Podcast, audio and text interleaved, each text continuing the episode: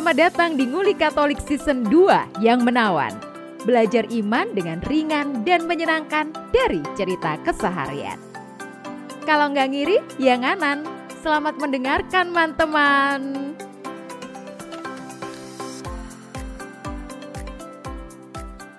ACT bukan aksi cepat tanggap, aksi cepat tangkap.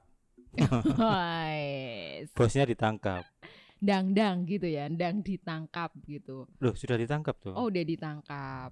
Lalu aktivitasnya sudah dibekukan juga ya? Ya, komisaris Terus utama. 100 rekening malah ada 300 rekening eh nggak tahu Buset. Aku aja punya, oi, sombong amat enggak ya. 300 rekening Iya, dari berita-berita sih itu atas nama Oh. eh ACT cabang Sidoarjo. Cabang mana oh ya? iya, iya bisa jadi bisa jadi setiap nganu punya rekening dewi dewi ya Tapi semuanya di dalam negeri ya. Ya, di Indonesia. Wih. Ini yang mau kita bicarakan episode ini ya. Tentang penyalahgunaan dana aksi cepat tanggap yang ternyata dipakai untuk ininya para pimpinannya, para direksinya, para komisarisnya. membiayai hidup, biaya hidup petingginya 250 juta sebulan. Ya ampun, aku nggak usah jadi guru, aku mau jadi pejabat ACT aja. masa wis kerja nolong nggak ada biayanya gitu iya, ya? kamu itu Yudit nggak apa-apa. Kamu nggak ikhlas kalau pejabat ACT Ya, gajinya ikhlas lah. 250 juta. salah Emang- satu yang eh, nyumbang nih Emang kamu pernah nyumbang ACT? Nah, itu kan untuk orang Islam tuh itu. Di anu tuh kan diarahkan untuk Iya, tapi kalau kamu transfer juang Palestina. transfer rekening juga nggak apa-apa. Oh, yuk Kak Sudi Oh. lah. Kak Sudi. Aku sangat marah, sangat Duh, halah wis. zong sih gitu. awalnya ketika baca sebuah thread di Twitter itu oh tunggu aja teh loh loh gitu ya. Maksudnya penyelewengan dana oke lah. Penyelew maksudnya karena eh, dana apa organisasi pengumpul dana itu kan emang rawan ya. Rawan diselewengkan. Tapi begitu tahu untuk gaji pejabat yang 250 juta itu aku lebih iya. kok bisa gitu loh Itu yang bongkar pertama Tempo kan.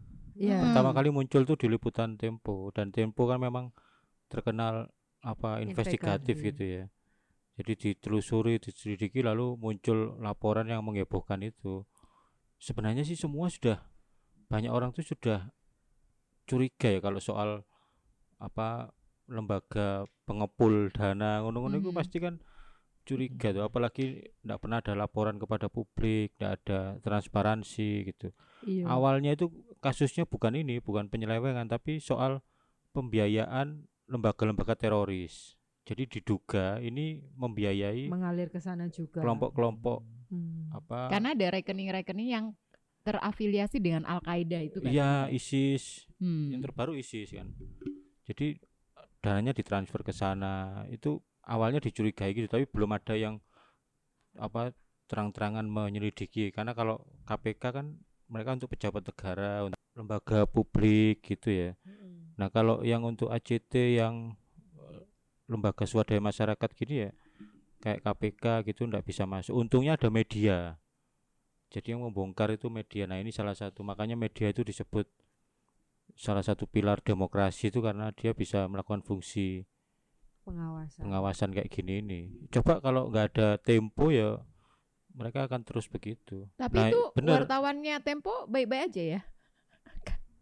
Biasanya kalau ada wartawan yang nulis kasus dikit Iya, biasanya gitu, benar. Iya, gitu Betul. kalau nggak Siap. rumahnya dilemparin Di teror. yang nggak ya. enak nggak enak apa pesan dibolak-balik telepon sampai nyawa melayang Iya, betul. kan nggak kayaknya nggak apa-apa ya ini ya aman kayak mungkin Aman, karena saking ininya ya terbiasa investigasi gitu ya jadi Hmm. mungkin pertanyaannya nggak langsung berapa gajinya gitu ya enggak Hmm, dengan cara mereka dengan Ah, triknya mereka. Iya. Tempo itu terkenal kan sekarang. Mulus banget gitu ya dia apa? dapat iya jurnalistik jurnalisme investigasi nomor satu di Indonesia kan ya Tempo itu.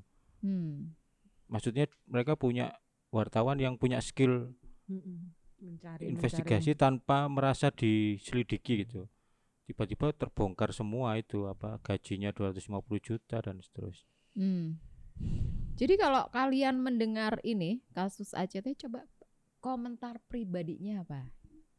aku pertama ya bodoh lah maksudnya Yang bodoh siapa? ACT maksudnya jenis penyelewengan yang bodoh no maksudku ya kalau lembaga pengumpul keuangan gitu ya para pengelolanya gajian ya gak apa-apa ya kan wajar tuh Hmm. gajian ya mereka kan ngurusi ya kerja kan. tapi terus jadi serakah ngono terus sampai sampai di luar batas kewajaran kan itu Mm-mm. sangat nggak wajar kamu kerjaan cuman begitu gaji sebulan 250 juta itu kan berarti ya pertama kayak- serakah lalu jadi bodoh gitu Iya dia kayak malak gitu ya dari iya hasil. serakah lalu jadi jadi bodoh itu Karena emang pendapatannya fantastis loh, ratusan miliar loh. nah ya itu maksudnya jadi di luar batas kewajaran maksudnya untuk skop pekerjaan yang kayak gitu itu kan nggak Hmm. pantas kamu Hmm. 250 juta gitu Iya, iya. Itu namanya tidak amanah. Wih, tidak amanah. apa Tidak. Vera apa komentar Ya itu. tidak amanah Wah, tidak amanah nih. Jadi apa namanya? Dia sedang mempertaruhkan eh, kepercayaan orang kepada dia gitu. Ya mungkin endingnya adalah memang wah bodoh kamu ini ya. Mm-mm. Tapi itu tadi emang nggak amanah. Apakah ini memang sudah direncanakan sejak awal gitu? Kalau ini kan udah bertahun-tahun ya. kayaknya enggak kayaknya Setauku sumber ini, mereka dulu sempat setiap tahun itu punya laporan di Oh. media di Iya. surat kabar, tapi terakhir tuh kayaknya 2019 yang Oh. entah nggak rilis atau laporannya itu mulai eh aneh begitu ya Oh. atau ini. Nah, kemudian mungkin itu yang menjadi dasar juga wartawan itu nyari nih kok laporannya begini gitu. Cuman Hmm. kalau di media gitu kan mungkin para penyumbang ini nggak yang detil banget apalagi kan itu memang bentuk pengumpulan dananya itu Hmm. satu donaturnya banyak, yang Mm-mm. kedua penerima donasinya juga banyak gitu. Setiap ada Iya. konflik, aku selalu lihat tuh di bundaran Dolok tuh ada apa namanya Oh. eh, spanduk gitu ya logo Hmm. ACT tuh Hmm. satu memang daerah konflik Palestina kemudian kalau misalnya seperti ini mau Idul Kurban itu itu juga kayak anda tidak bisa Ah. berkurban dengan bisa urunan ini, sapi bisa urunan gitu ya untuk Oh. daerah-daerah misalnya yang nggak punya eh, sapinya yang nggak punya sapi ya gitu misalnya waktu itu aku ingat sempat disebut di, di, di- di daerah Bromo itu kan eh, banyak mualaf ya karena dari Hindu. Hmm. begitu. Nah seperti itu. Atau di daerah-daerah lain yang lebih ini mereka kumpulkan belikan hewan kurban lalu mereka kemas gitu. Karena tidak mungkin disalurkan dalam bentuk segar begitu ya. Itu sudah menjadi ini.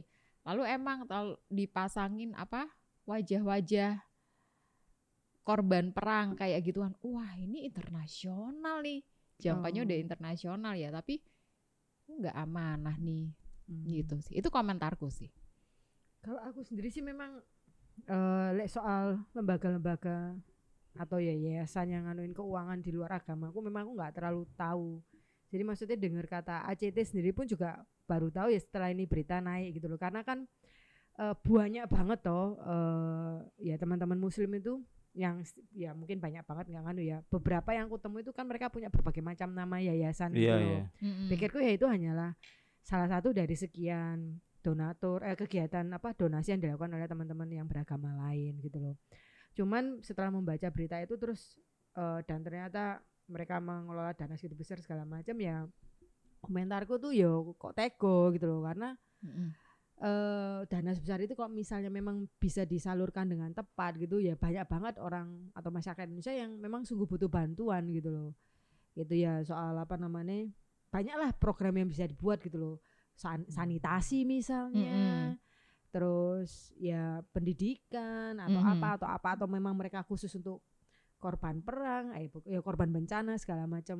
Jadi yo kok cek tegone gitu loh. Sementara satu sisi yo banyak eh, masyarakat kita yang memang sangat membutuhkan dana tersebut gitu loh Gitu sih. Netizen tuh sempat mengkritisi ACT itu bukan aksi cepat tanggap, aksi cepat tempel gitu katanya kalau di daerah bencana emang mereka yang datang duluan, Oh. tapi mereka kayak nempelin bendera atau eh, tandanya mereka entah itu apa ya. Lalu ya udah Hmm. mereka pergi itu dalam tanda kutip nggak kerja gitu loh. Ini sih beberapa yang Oh. dibagikan oleh netizen yang kebetulan juga sering eh, membantu di daerah-daerah Hmm, bencana betul. seperti itu gitu. Apakah emang di ta- tahun-tahun terakhir itu sudah kinerjanya sudah mulai menurun karena mungkin setiap tahun beda ya ininya Hmm. yang mengawal Iya, visi misinya mereka. Brian apa Brian? Brian? Nek aku baru dengar ACT baru kali ini sih, baru pas berita ini muncul. Terus nek apa yang bisa tak tanggapi ini aku membayangkan sama seperti kasusnya Juliari itu yang korupsi bansos. Mensos ya. Hmm. Jadi eh dan aku juga mikir ini kalau ini aksi cepat tanggap eh pikiranku pertama ini kan eh berawal dari simpat empati atau simpati ya duluan Ya, itu simpati dulu. terus ayo kita buat ini lah itu kan Hmm. mestinya nggak ada apa ya nggak ada uangnya atau gajinya Ya.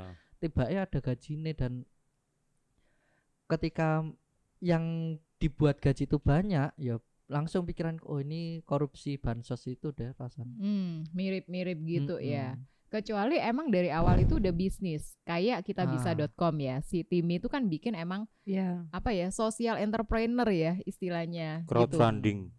Crowdfunding. eh, crowdfunding startup gitu ya. Iya. Jadi dari 10% kalau nggak salah kalau kita mau menggalang dana di kita Hmm. bisa 10 persennya emang untuk 10% atau Pengelola. berapa ha, untuk pengelola ya. Itu yang emang udah dari awal Jelas. tuh eh ini nanti bakalan Mm-mm. ada ya Itu karena ada di term and conditionnya di Oh iya Mm-mm. benar-benar karena emang mereka Hmm. menyediakan platform a- platform terus mereka yang akan mengelola uangnya nanti Hmm. uangnya dapat segini disalurkan tapi nggak 100% gitu ya. Kecuali Hmm. itu emang udah dari awal ngomong ya. Iya. Dan ini bukan bukan murni lembaga filantropi emang Mm-mm. bisnis gitu ya, tapi melihat dari situ. bisnis berbasis filantropi kalau yang kita bisa itu. Oh iya, heeh. Kalau Iya, ini iya. Mm-mm. ACT bukan bisnis kan. Awalnya Ya, saya sama gitu seperti Brian awalnya ya tulus gitu mungkin Hmm. ya benar-benar gerakan kemanusiaan gitu Hmm. tapi manusia itu ketika keblekan duit sakmono akeh yo ya. Mari lupa diri no, mulai serakah Lumayan ya mulai ratusan miliar. Mungkin orang tuh cuma nyumbang berapa puluh ribu, berapa puluh ribu Iya, gitu ya. Jadi, pokoknya kalau dibungkus agama itu orang nyumbang wih, Mm-mm. di mana pun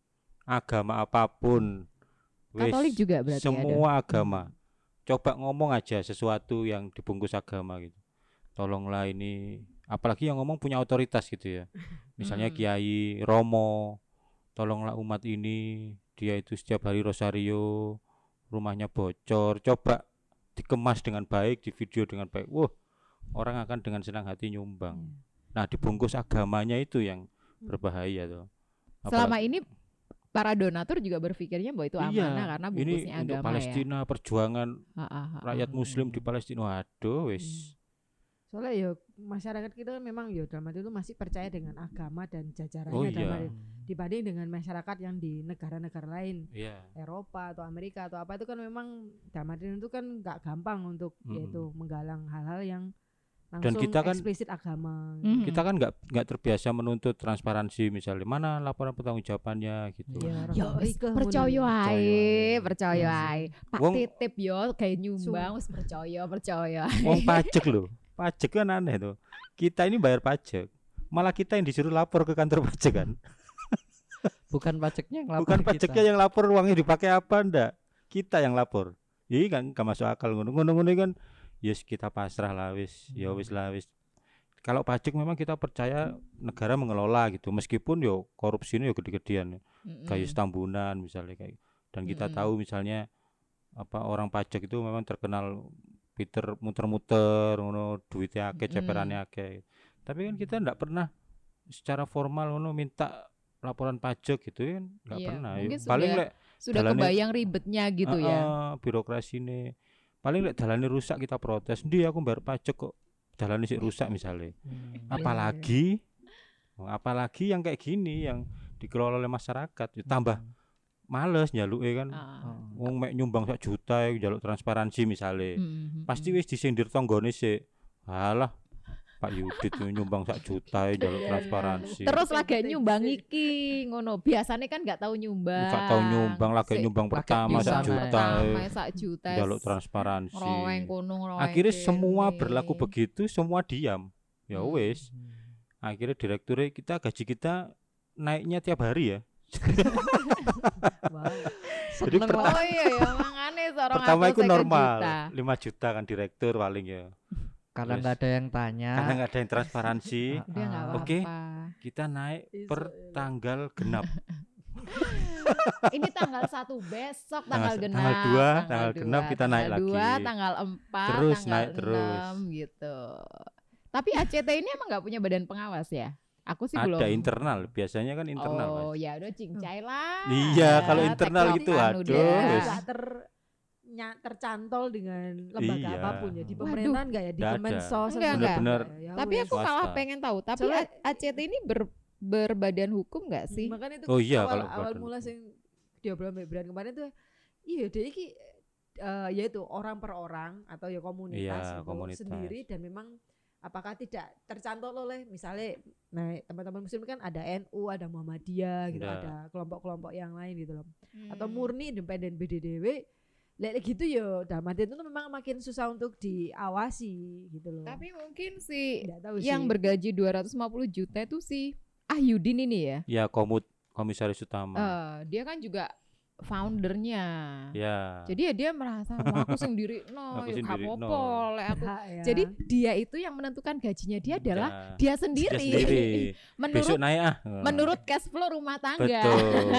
Mumpung nggak ada yang tanya. istri ketiga atau apa gitu disebutkan. Oh iya lah. Ya. Aduh, Aku tuh malah bacanya cuma ketinggalan. sekilas untuk Aduh, membelikan kau, mobil. eh, kamu netizen ketiga. Indonesia sekali, selalu fokus kepada Eh, ini Sisi lain dari- pribadi. iya.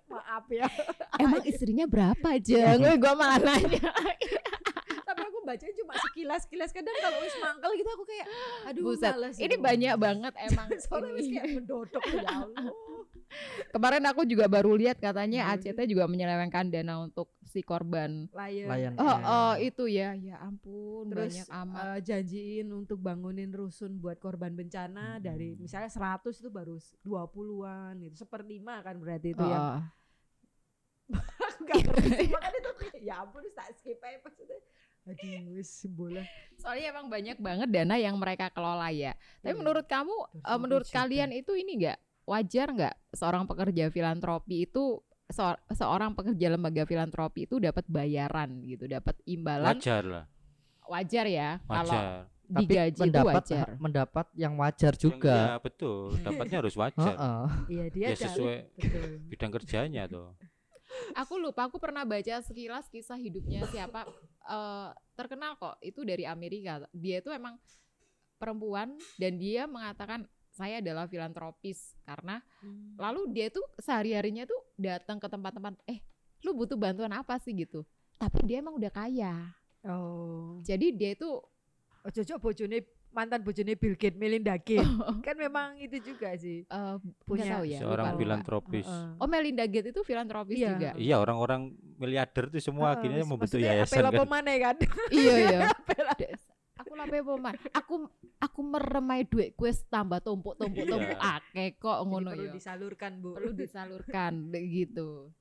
Memang harusnya seorang filantropis itu kudune wes ini ya tidak mempunyai eh, masalah keuangan. Financial freedom. Wih, Iya, itu cita-citanya Yudit. Iya. Entar kalau dia udah financial freedom, Heeh. dia mau jadi filantropis. Heeh. Minimal untuk daerah Manuan dan sekitarnya. Orang kalau sudah sangat kaya raya itu ukurannya cuma dua. apa? Yang pertama dia punya hewan langka.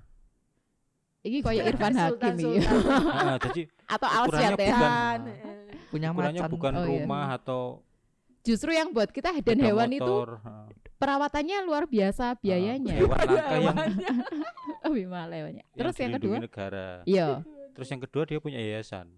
Itu orang kaya. Oh. Meskipun belum meskipun orang itu masih belum dibilang kaya tapi kalau sudah punya yayasan itu berarti sudah kaya, Pak. Maksudnya Mm-mm. dia sudah menyalurkan sebagian hartanya. Mm-mm. Nah, cita-cita Dia saya bisa itu bukan ngemodalin yayasan itu. Ya. cita-cita saya bukan financial freedom kaya raya tapi punya yayasannya itu. Woi, deh mantap. Misalnya bikin sekolah TK kan ini kan yayasan. betul. Yayasan Dharma Bakti Cendika Pertiwi. Hmm, Wake Aduh, nih Pak, Pak. Kayak TK berbakti udah lah. Heeh. Iku wis sapi loh TK ya. nanggonku ya, ya. jenenge ngono. Mm-mm. Bakti Pertiwi anu tibake tentara.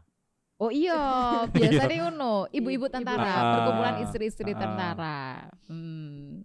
Nah, Oh. jadi ukuran iku mau ukuran orang kaya itu bikin yayasan. Nah, kalau ini dari gerakan eh, kerelawanan kemanusiaan bikin lalu ternyata keblinger gitu dari Mm-mm. kayak ketumpuan Dan mungkin memang juga nggak tahu sih orang-orang itu pekerjaannya hanya di situ ya. Maksudnya kan kadang eh, Oh. misalnya aku punya pabrik, uh, punya pabrik terus aku punya yayasan yang Ah, ah, ACT ah, ah. ini. Jadi kan aku punya pemasukan lain, aku yang nggak menyedot dari ACT dalam arti Jadi kamu tertentu. kamu kayak gitu kalau kayak gitu kayak kamu yang punya pabrik Heeh. terus kamu punya lembaga Iya. sosial itu lembaga sosial itu hobimu, mainanmu Iya, gitu iya. ya. Yuk. ya, ya. Yo yo. ya, kita ini enggak kita ini kan nyontoh teman kita yang bisa membayangkan uang sebelum diterima uangnya, sebelum pabriknya ada.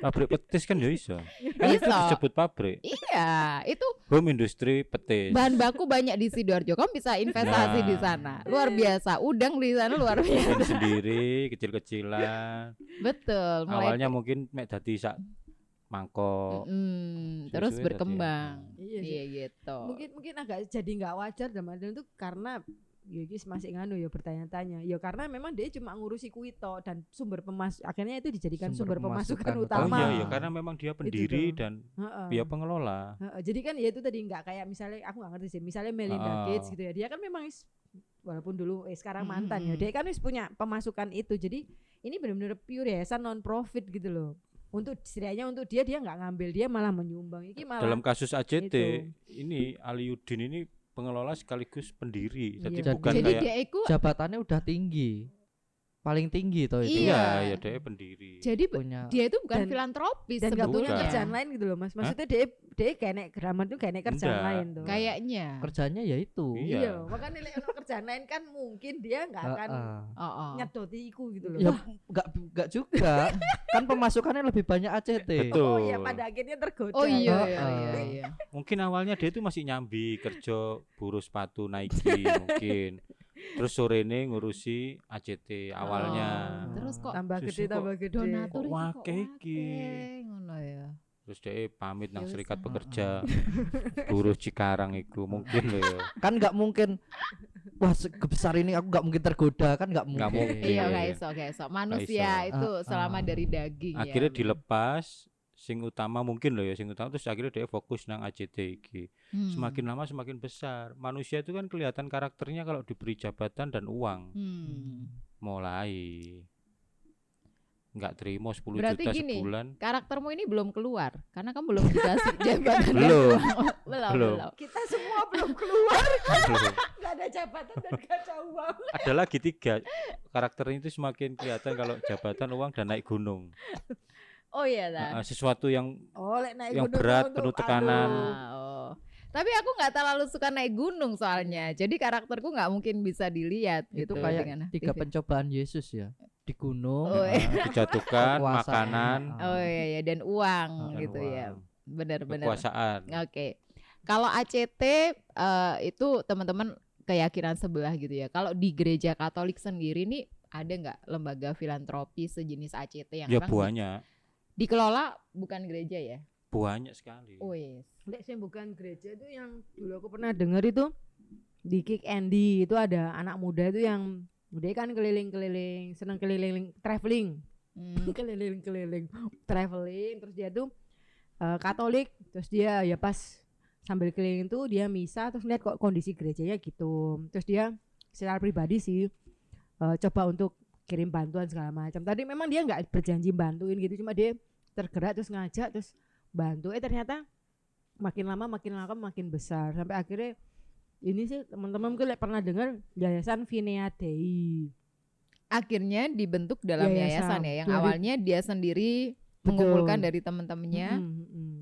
Dia bentuk yayasannya tuh 2017 tapi dia mulai jalan itu 2011an bahkan mungkin ya 2010-an itu itu sih. Hmm. terus dia ya ngerekrut teman-teman ada teman-teman muda yang mau. Ya sebenarnya circle-nya dia. Terus makin apa ya makin besar cuma nggak besar besar banget soalnya supaya dia juga bisa anu gitu loh. Terus juga akhirnya ada romo yang memoderatori atau mendampingi. Fokus yang dia bantu apa?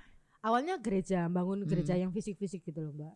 Ada banyak tuh gereja di Indonesia di pelosok-pelosok itu yang memang wis tinggal nganu tok gitu lah gitu sih terus nggak tahu ini aku baca di websitenya kayaknya mulai ada diperluas soal eh, pendidikan apa segala macem gitu untuk teman-teman muda gitu sih Oke. Heeh. Mungkin ada yang punya referensi lain?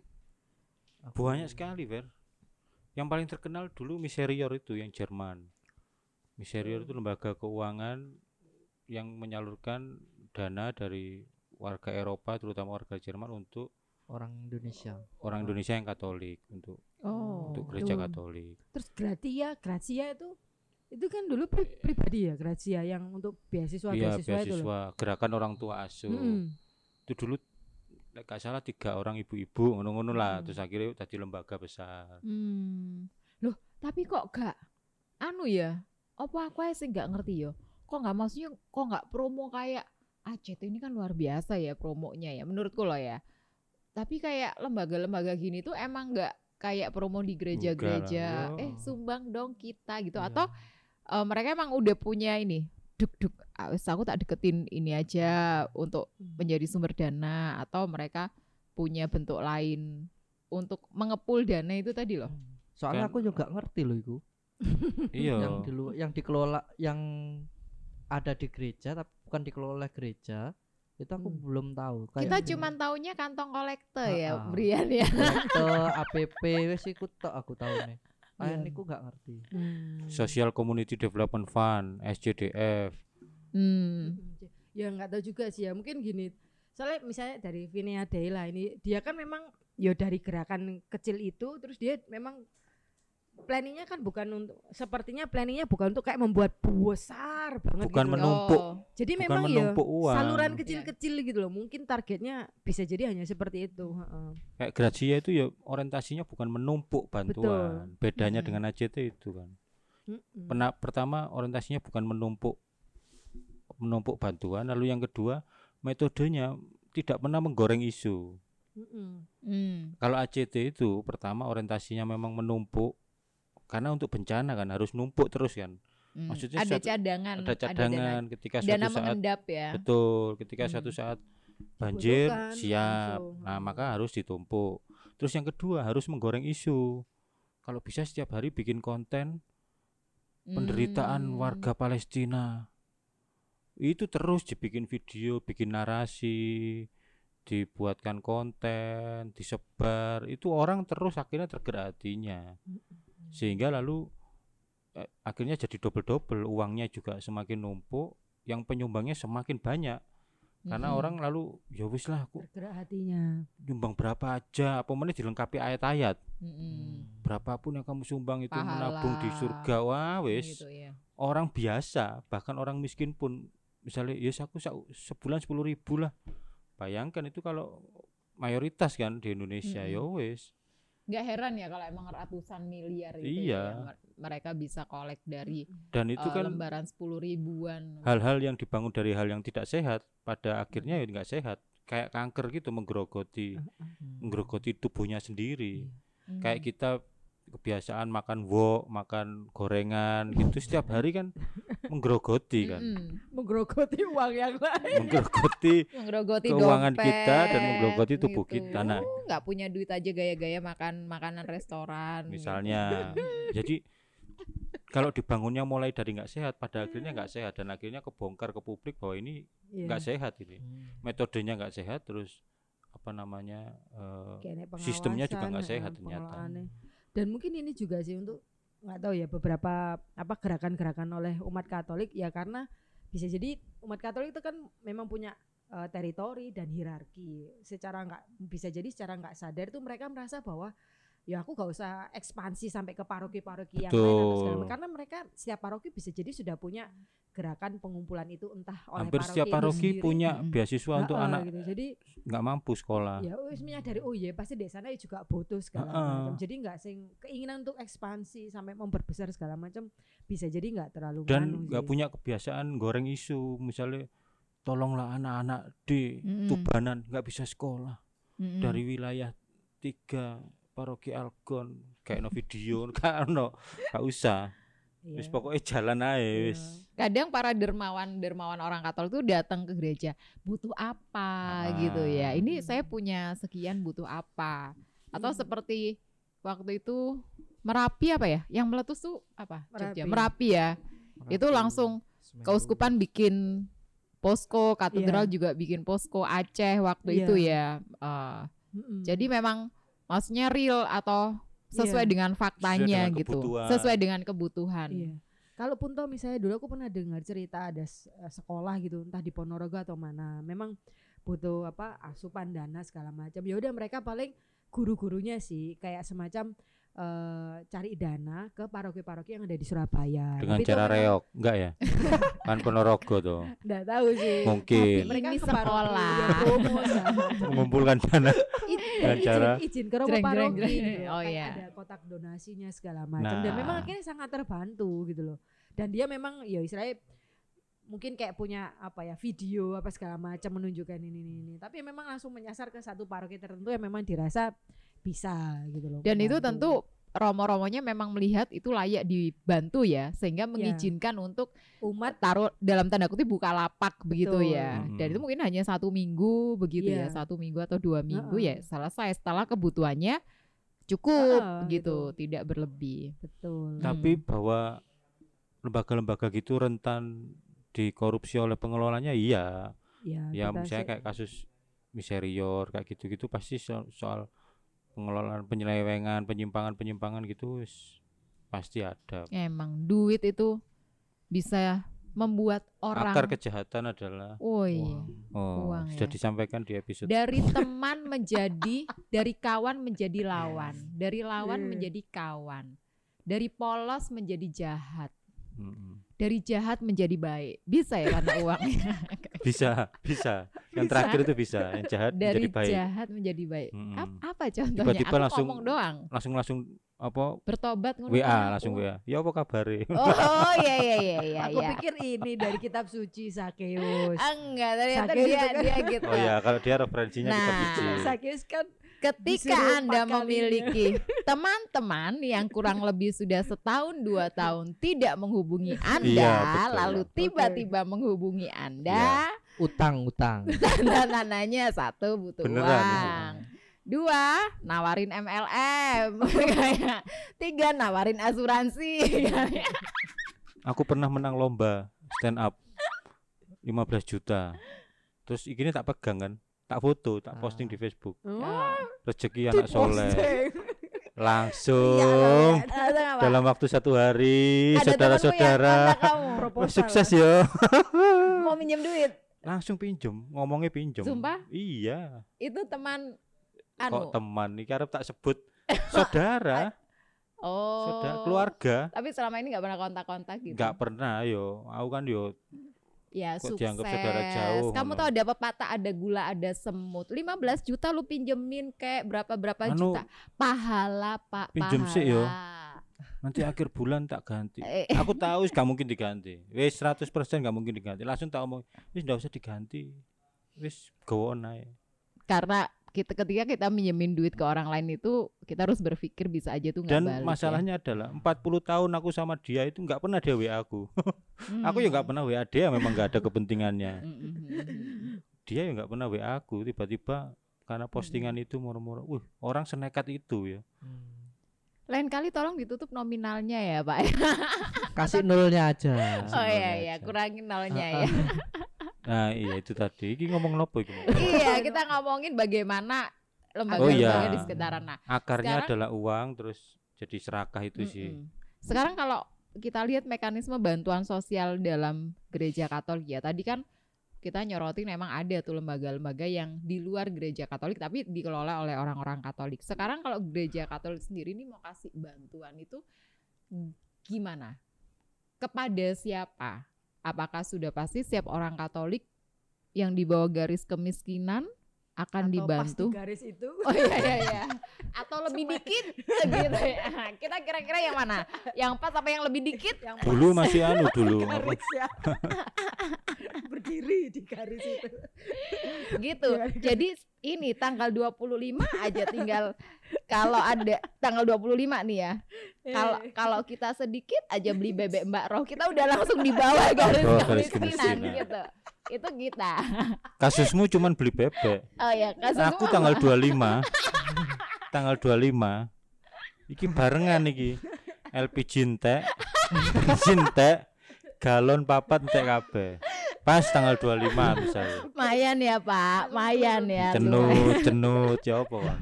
langsung galon papat seket wolu lah kalau enggak nek Ya. aqua lo ya Ah. LPG telu. LPG telu wis 18 sewuan. 18.000-an. Durung meneh nek ono nek ono ini nada-nada asmara. Tit tit. Oh, token. token listrik. Lilin lilin Lilin. Terus Ya ampun romantis listrik. sekali. terus ono SMS. Paket Anda sudah habis. Terus kamu langsung menuju ke M17 Urusannya-. Urusannya orang berumah tangga itu sekomplek itu loh, mulai Iya, iki mau iya. isu loh, isu iki mau loh. Ganti regulator. oh no Oh, no regulator gak apa-apa loh. Hmm. Moro-moro odok-odok-odok-odok. Moro-moro ngowos, wos. Dasar orang Gitu. miskin. Langsung tak coplok. Jadi kalau pacaran hani-hani Alah, hani-bani. alah. Sik menikah baru tiga hari langsung bikin status suamiku suami terbaik. Alah, alah, alah, alah. Kon durung ngrasakno barengan tek kabeh. barengan tek kabeh waya anak daftar ulang. Aduh. Cemut, cemut. Situ daftar ulang, situ mlebu sekolah SMA. Ayan ya. homeschooling sementara Cuti, cuti. Ajar ya sih. cuti. Terus ibu- baru mlebu sekolah mana Terus ibu dok dok dok, waya bayar kartu kuning. Iso bertumpuk-tumpuk ngono semua. Rasanya pengen Romantika. muspro. romantika hidup berumah tangga. Ya kan urusanmu kan cek bebek. Iya, iya, Eh, iya. Rumah tangga. Kamu ini itu itu seperti ini ya, seperti eh, buaya-buaya di sungai yang ayo kan, Iya, ayo kan iya. gitu ya. ayo kan iya, bayar iki, bayar iki, ayo kan gitu. Delok ATM yo makdek. Teratap. Saldo Anda tidak cukup. Nah, Ayo kita balik lagi tuh tadi. Gereja Katolik tuh ngasih bantuan ke siapa sih? dulu itu gini, dulu gereja Katolik itu masih sangat mengandalkan belas kasih dalam banyak hal. Kayaknya masih sampai sekarang beberapa remo masih modal utamanya adalah belas kasih. Jadi ono uang teko ditolong, ono uang Hmm. teko nangis-nangis ditolong. Tapi sekarang mulai ada kayak kesadaran yo harus transparan, manajemen, terus tercatat, ngono-ngono kan. selektif juga menolong orang Selektif misalnya yang saya Iya. pernah cerita baru mungkin tahun ini ya di paroki saya itu ada eh, Romo Bowo yang merasa kayak kayak dibohongi gitu sama umat. Umatnya datang Loh, sama anaknya. Iya, umatnya wani ngapus datang ke pastoran sama sama anaknya terus kayak merengek-rengek ini kuliahnya belum dibayar gitu terus Romo Bowo saat itu juga langsung bantu kan lah istriku kan bagian iki ya seksi pendidikan Hmm. bantu-bantu ini kan untuk anak kuliah Ternyata mampu. ternyata ditelepon ke ketua lingkungan ya pertama mampu terus kedua dia ndak aktif jadi sampai ketua Oh. lingkungan ini ndak pernah ketemu blas jadi koyo dia itu main shortcut gitu loh langsung Mm-mm. Oh, bukan Iya, lewat iya. jalur ketua lingkungan langsung ke Romo dengan ngono-ngono itu naik itu kan berarti memang masih sangat mengandalkan belas kasih kan. Dan itu memang ya itu api itu modal utama memang. Iya. Mm-mm. tapi kan nek terus-terusan ngono ono se- sedino ono wong 10 nangis kabeh ya. dibantu kabeh yo, keuangan paroki jebol. Makanya terus ada ketua lingkungan itu. Ya nggak apa-apa lek butuh bantuan ke Romo ke ketua lingkungan nanti disalurkan. Kalau memang permanen misalnya ekonominya lemah yo dibuat reguler bantuan di paroki mas di parokiku masih ada beberapa anak yang reguler tiap bulan dibantu. Iya, beasiswa ya beasiswa beasiswa. Dalam prosesnya itu ada validator ya yang ya, memang ada yang memeriksa. memeriksa dan oh ya meyakinkan memang orang ini butuh dibantu. Lalu tahun ini Romo Paroki memutuskan yang non umat paroki biar dibantu parokinya. Jadi tidak termasuk dalam bantuan itu. Dulu semua yang sekolah di situ, di sekolah yang di Oh, dekat sekolah paroki, yang ada di paroki. oh, di itu Karitas bisa. 3 Mm. itu dibantu kabeh. Ternyata ada separuh lebih yang bukan umat paroki Algon. Mm-mm. Misalnya kayak gitu. Oh, Jadi yang dibantu yang anak Yang umat umat paroki. parokinya. Nah, itu Kalau di berarti manajerial. itu juga umat, Harus umat. harus umat. Ya, ah. Entah itu misalnya di mana pun dia sekolah ya. Misalnya kalau umat di situ, misalnya mungkin sekolahnya Oh, di bahkan sekolahnya di luar paroki pun bisa. kayaknya itu. Pokoknya emang sesuai ya, sesuai dengan apa yang Data umat faktanya ya. iya faktanya ada ada keterangan dari ketua lingkungan lalu memang faktanya misalnya pendapatan dalam satu bulan Betul. memang tidak bisa untuk bersekolah gitu hanya untuk kebutuhan bertahan hidup begitu kemudian memang ada konsekuensinya ketika prestasi Prestasi. prestasi ya, ya prestasi standar lah kalau anda ya tetap harus belajar dan prestasinya standar naik kelas begitu kalau enggak ya ada konsekuensi akan eh, dihentikan gitu dan memang selektif gitu selektif Hmm. dengan harapan memberikan tepat sasaran ya memang Hmm. benar-benar kepada orang yang Terus yang aku pernah cerita itu yang istriku baru pertama kali di seksi pendidikan survei penerima beasiswa itu ke salah satu rumah penerima di rumahnya ada mobile. Hmm. survei wis dicatat ngene oh kok ono ono mobile bojoku kan curiga Wis pulang pulang baru pulang berapa ratus meter dikejar mbak sing bapak itu Heeh, heeh. bu minta maaf bu ya mulai tahun ini kami sudah lepas saja beasiswanya kayak ekonomi ini wis membaik tapi Mhm. akhirnya ada niat baik dari yang penerima ini wis bu kami tahun ini sudah usah. lepas saja ya itu Oke. datanya boleh disimpan tapi kami sudah lepas saja untuk Bisa untuk orang, lain. Hmm. Nah, ngono-ngono itu kan lek nggak disurvei yo, dia terus selamanya akan terima terus. Nah, itu Hmm. berarti kan manajerial loh. Mm-mm. Kuncinya manajerial dan transparan. Jadi dilaporkan penerima beasiswa dari paroki setiap tahun ini namanya ini tempat tinggalnya di sini. Nah, itu transparansi manajerial. Heeh. Ya, Iya. yang kecil-kecil gitu kalau sudah beres aman lah.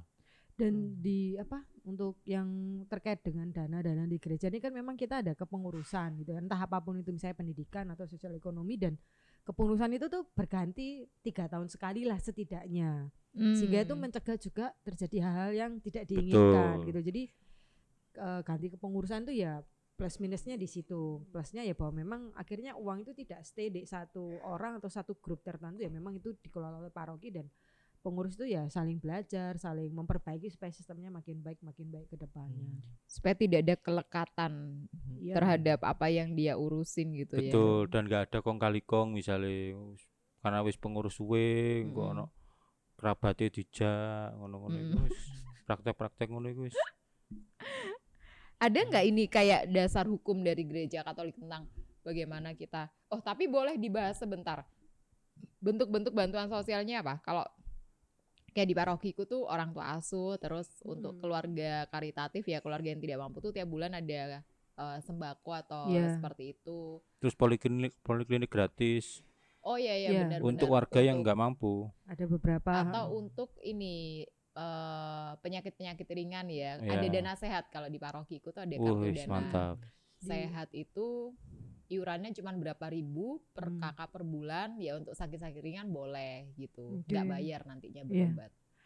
Mm, ada beberapa paroki sih ini. Mereka punya kayak warung sosial. Jadi eh, bahkan membantu bukan cuma untuk warga di parokinya. Dulu sih di AKI kalau salah warung broto kayak gitu itu kan Di juga, KR ya, Hmm, Nek, hmm, toh. hmm. eh, di KR Warung. juga ada jadi bikin koperasi kecil-kecilan jadi Heeh. sifatnya bukan cuma ngasih ikannya tapi juga umpannya diajarin Ah. nabung kayak gitu-gitu terus ada poli juga jadi memang beberapa paroki yang merupakan membentukkan dana yang sudah terkumpul itu lewat berbagai hal yang kiranya memang dibutuhkan oleh umat di sekitar itu Kalau gerakan-gerakan filantropi yo gereja Katolik wis sangat mengakar kuat wis.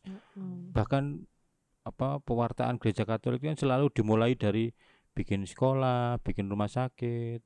Yang kita wawancara Suster Gana itu kan Suster Dewi yang bermisi di Ghana itu Hmm. suster-suster itu datang ke pasar terus ya kayak buka lapak gitu Mm-mm. siapa yang sakit diperiksa gitu sederhana Iya.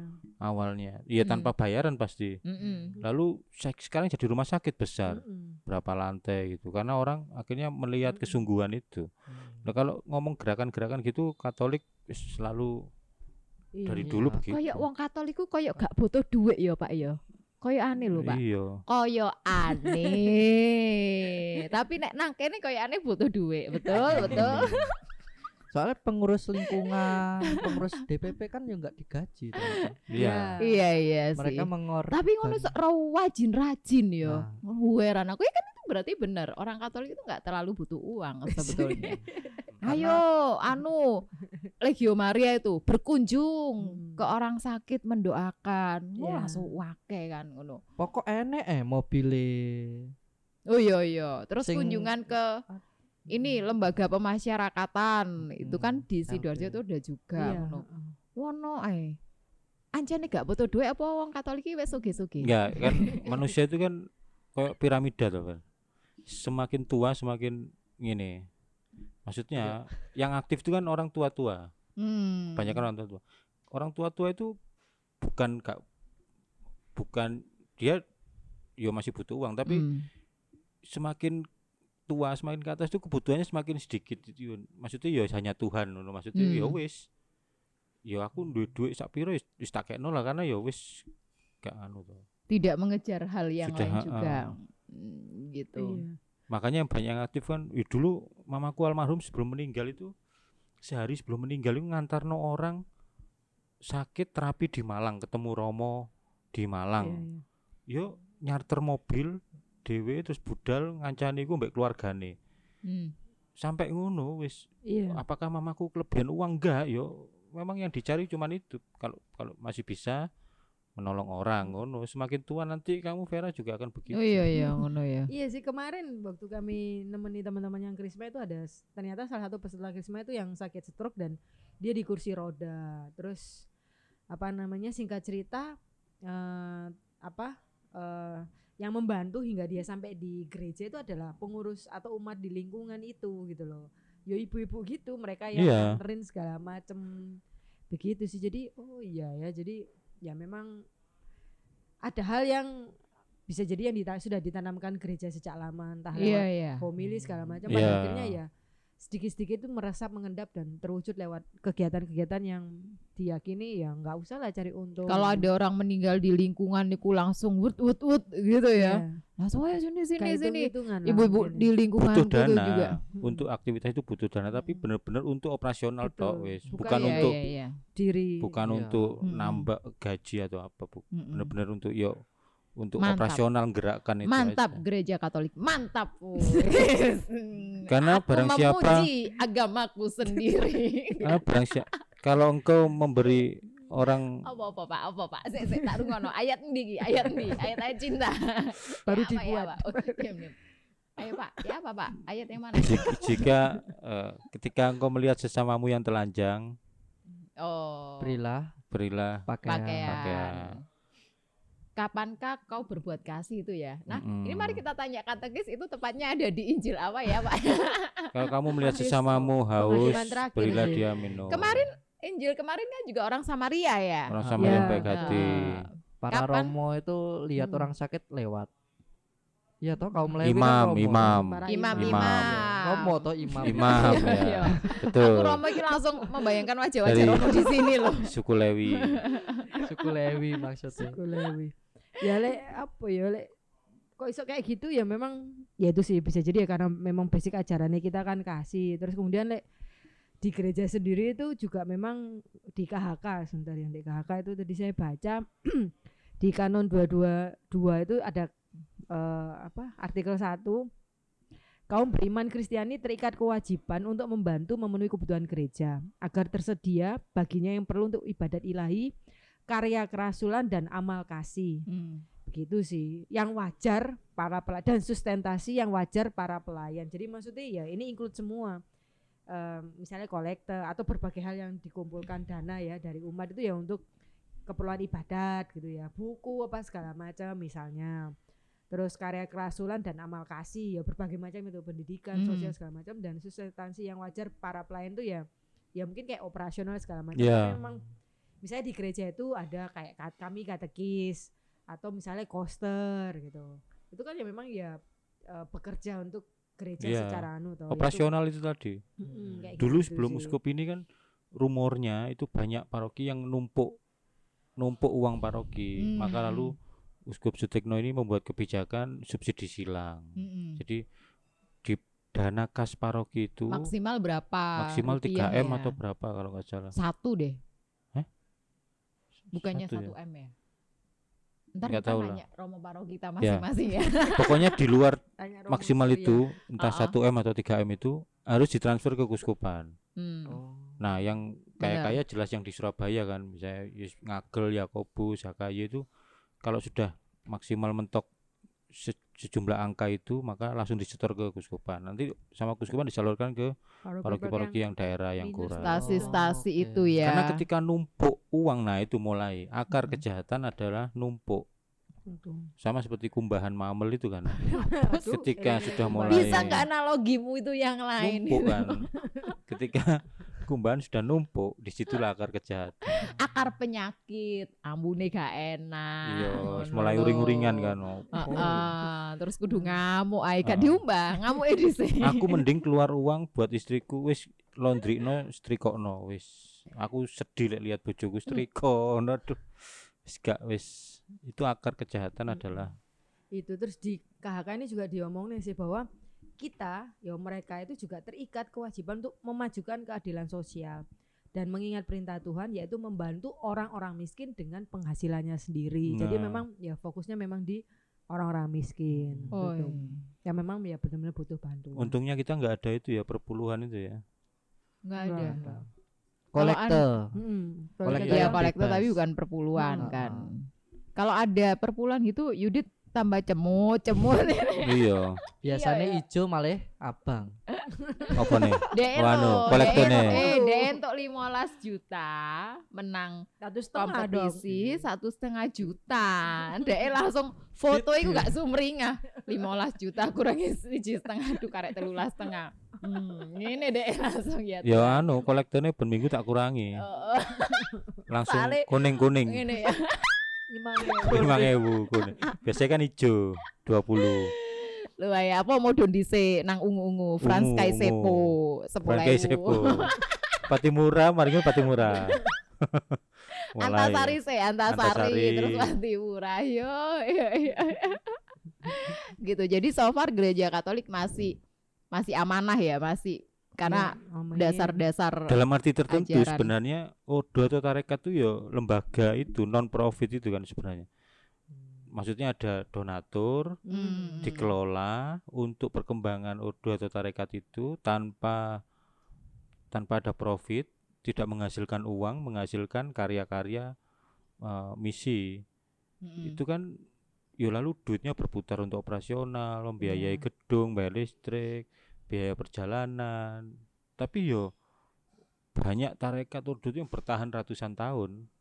Bahkan apa ya boleh disebut tanda kutip perusahaan besar mana ada kayak Yesuit misalnya. 450 tahun Yesuit itu. Mana ada perusahaan umurnya 450 tahun. Gak ono. Dengan posisi karya mereka di mana-mana. Di seluruh dunia. Di seluruh dunia. Yamaha Bukan- itu paling 100 tahun Yamaha. Itu profit loh maksudnya ono Iya. duitnya loh bayang loh Yesuit itu 450 tahun CM Ah, it- itu artinya manajerial mereka juga bagus baik, gitu ya. heeh. oh dan orang nyumbang ya dengan senang hati toh Mm-mm. oh iya ngerti iki setiap tahun menghasilkan romo lalu memang Mm-mm. duitnya dipakai untuk benar Ya, ya. Kalau- Ursulin di Indonesia udah lebih dari 150 tahun loh di 150 Indonesia. tahun CM Ursulin di 500 Indonesia di CM dunia. 500 Buset. Nggak salah loh ya. iya Itu sejak itu Ya. kalau ada korupsi sudah bangkrut dari dulu nggak Ya. mungkin sampai bertahan selama ini kan Ya sih, makanya kan Yesus yang ngomong apa? eh, kerajaanku memang bukan datang dari dunia ini, makanya dia akan kekal selamanya. Makanya sejak Yesus datang 2000 tahun sampai sekarang kan ya kita masih ada. Berarti memang ya iman Bukan yang kita dari- imani itu memang dari Yesus, bukan eh, Nah. dari Allah, bukan dari manusia. Nah, dari Mantap manusia kan kali. cuma Sudah sudah beberapa- rontok heeh. Heeh. mantap kali Gitu. Maksudnya dan karyanya Yesus itu bukan karya manusia gitu maksudnya. Hmm, ji- Itu bisa bertahan itu ya, karya ilahi. manajerial segala macam tapi memang benar itu adalah karya Allah sendiri. Kalau karya manusia nggak sampai Gak enek. ratusan tahun. Iya nggak enak sih perusahaan sing sampai anu Nggak ada, itu ada bukunya Heroic Leadership. Tentang Yesuit 450 tahun. Wih.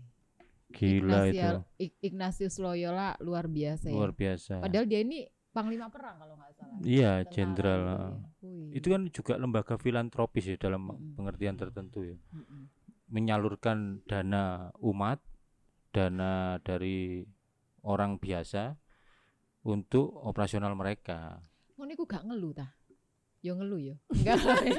Kok gue nanya, misalnya nih kan Yesuit lah. Yesuit itu kan punya banyak sekolah, Mhm. terus eh, mereka biara di mana-mana, karyanya di mana-mana. Lalu eh, mereka kan tentu punya mimpi ya, maksudnya ini nanti kita bisa berkembang ke sini ya. berkembang ke mana. Belum lagi kalau sekolah-sekolahnya punya tantangan nanti, waduh ini gimana. Lalu sekolah-sekolah mereka itu juga bukan yang ecek-ecek, bukan yang sekedar buka sekolah, terima murid, tapi selalu ada hal-hal Hmm. ini, ada hal. Kalau nggak salah nih sekolah SMA-SMA-nya Yesud ini punya, kan ada juga nih sekolah di luar negeri yang jadi mereka itu kayak punya gathering atau sejenis jambore Hmm. internasional Jambore antara murid sekolah Yesuit Eh, eh, jadi kayak De Brito sama eh, Canisius sama Hmm. sekolah di negara mana lagi itu Hmm. kumpul ha- eh, berkumpul lalu mereka bertukar pengalaman sampai levelnya wes gak Ah, ah. bagaimana dia harus mem-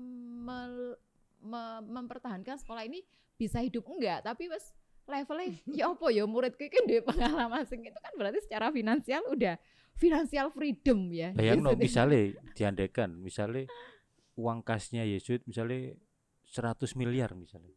nggak ada pimpinannya gaji 250 juta nggak ada kan.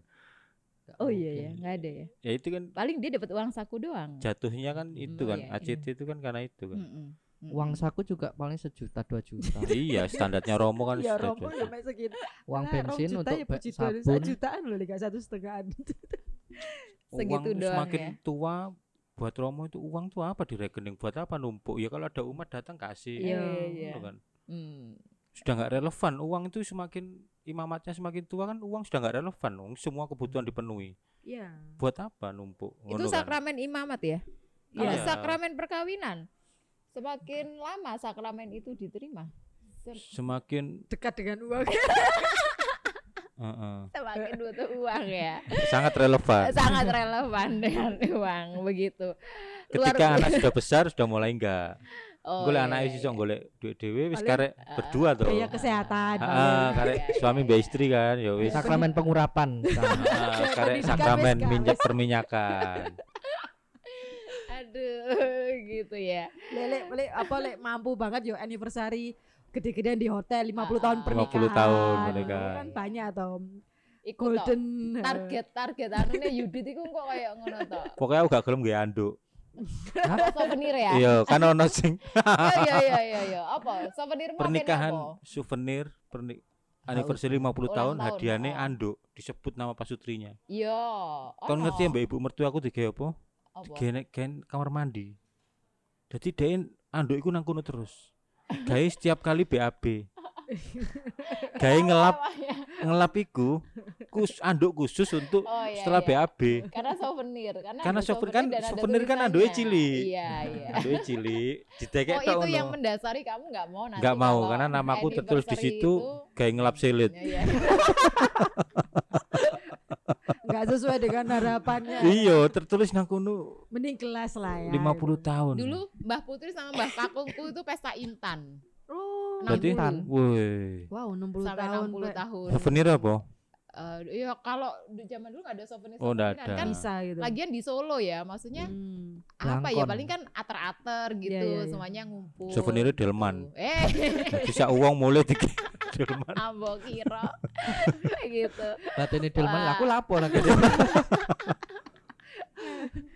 seru ya ngobrolin gereja Katolik dan dana-dananya ini. Tapi ini menambah kebanggaan bahwa gereja Iya. Katolik sungguh satu sistematis, lalu yang kedua eh, Transparan. transparan untuk mengelola apa yang eh, harus disalurkan dan itu tepat sasaran. dan kita gitu. mengikuti zaman gitu maksudnya kalau ilmu manajemennya semakin berkembang ya terus mengikuti gitu misalnya Hmm. tidak tergoda untuk apa invest di apa eh, lembaga-lembaga keuangan sing model-model ngono apa Mm-mm, mm-mm. obligasi saham ngono ngono Mm-mm. dulu pernah ada kasus di Gusman Surabaya ada yang main gitu terus ya wis dilarang di Mhm. terus ditegur ngono-ngono Mungkin salah satu bentuk eh apa namanya mengelola keuangan dengan mengikuti zaman itu dengan manajemennya kolekte QR code itu ya, Iya. itu ya di paroki Anda ya.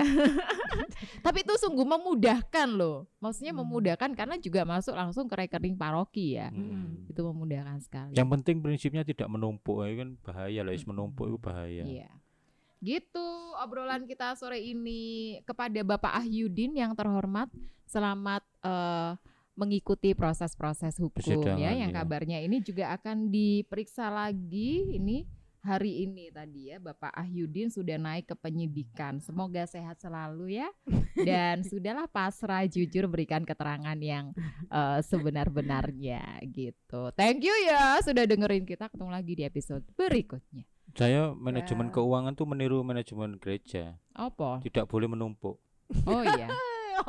Karena gak ada yang ditombol Enggak, ya. maksudnya kalaupun ada langsung kudu entek kayak tuku sembako, Iya, kayak ganti regulator, kayak tuku galon. soalnya lek ya. numpuk tambah tuku sing gak gak jelas gak jelas ngono moro-moro tuku alat bantu sit up untuk perutmu yang sudah mengalami kemajuan Apa loh. alat daripada bantu sit ya, up? daripada eh, kurang berguna, Beri lebih baik langsung iya tutup Dibayar. kulkas aneka warna. ambek iki apa tudung nasi sing pink oh iya ya. malah tuku sing gak berguna berguna Banyak di Shopee. karena Hmm, ditumpuk. mulai, Karena. Iya, itu variannya banyak loh, lucu-lucu ya. Shopee always. terima kasih sampai jumpa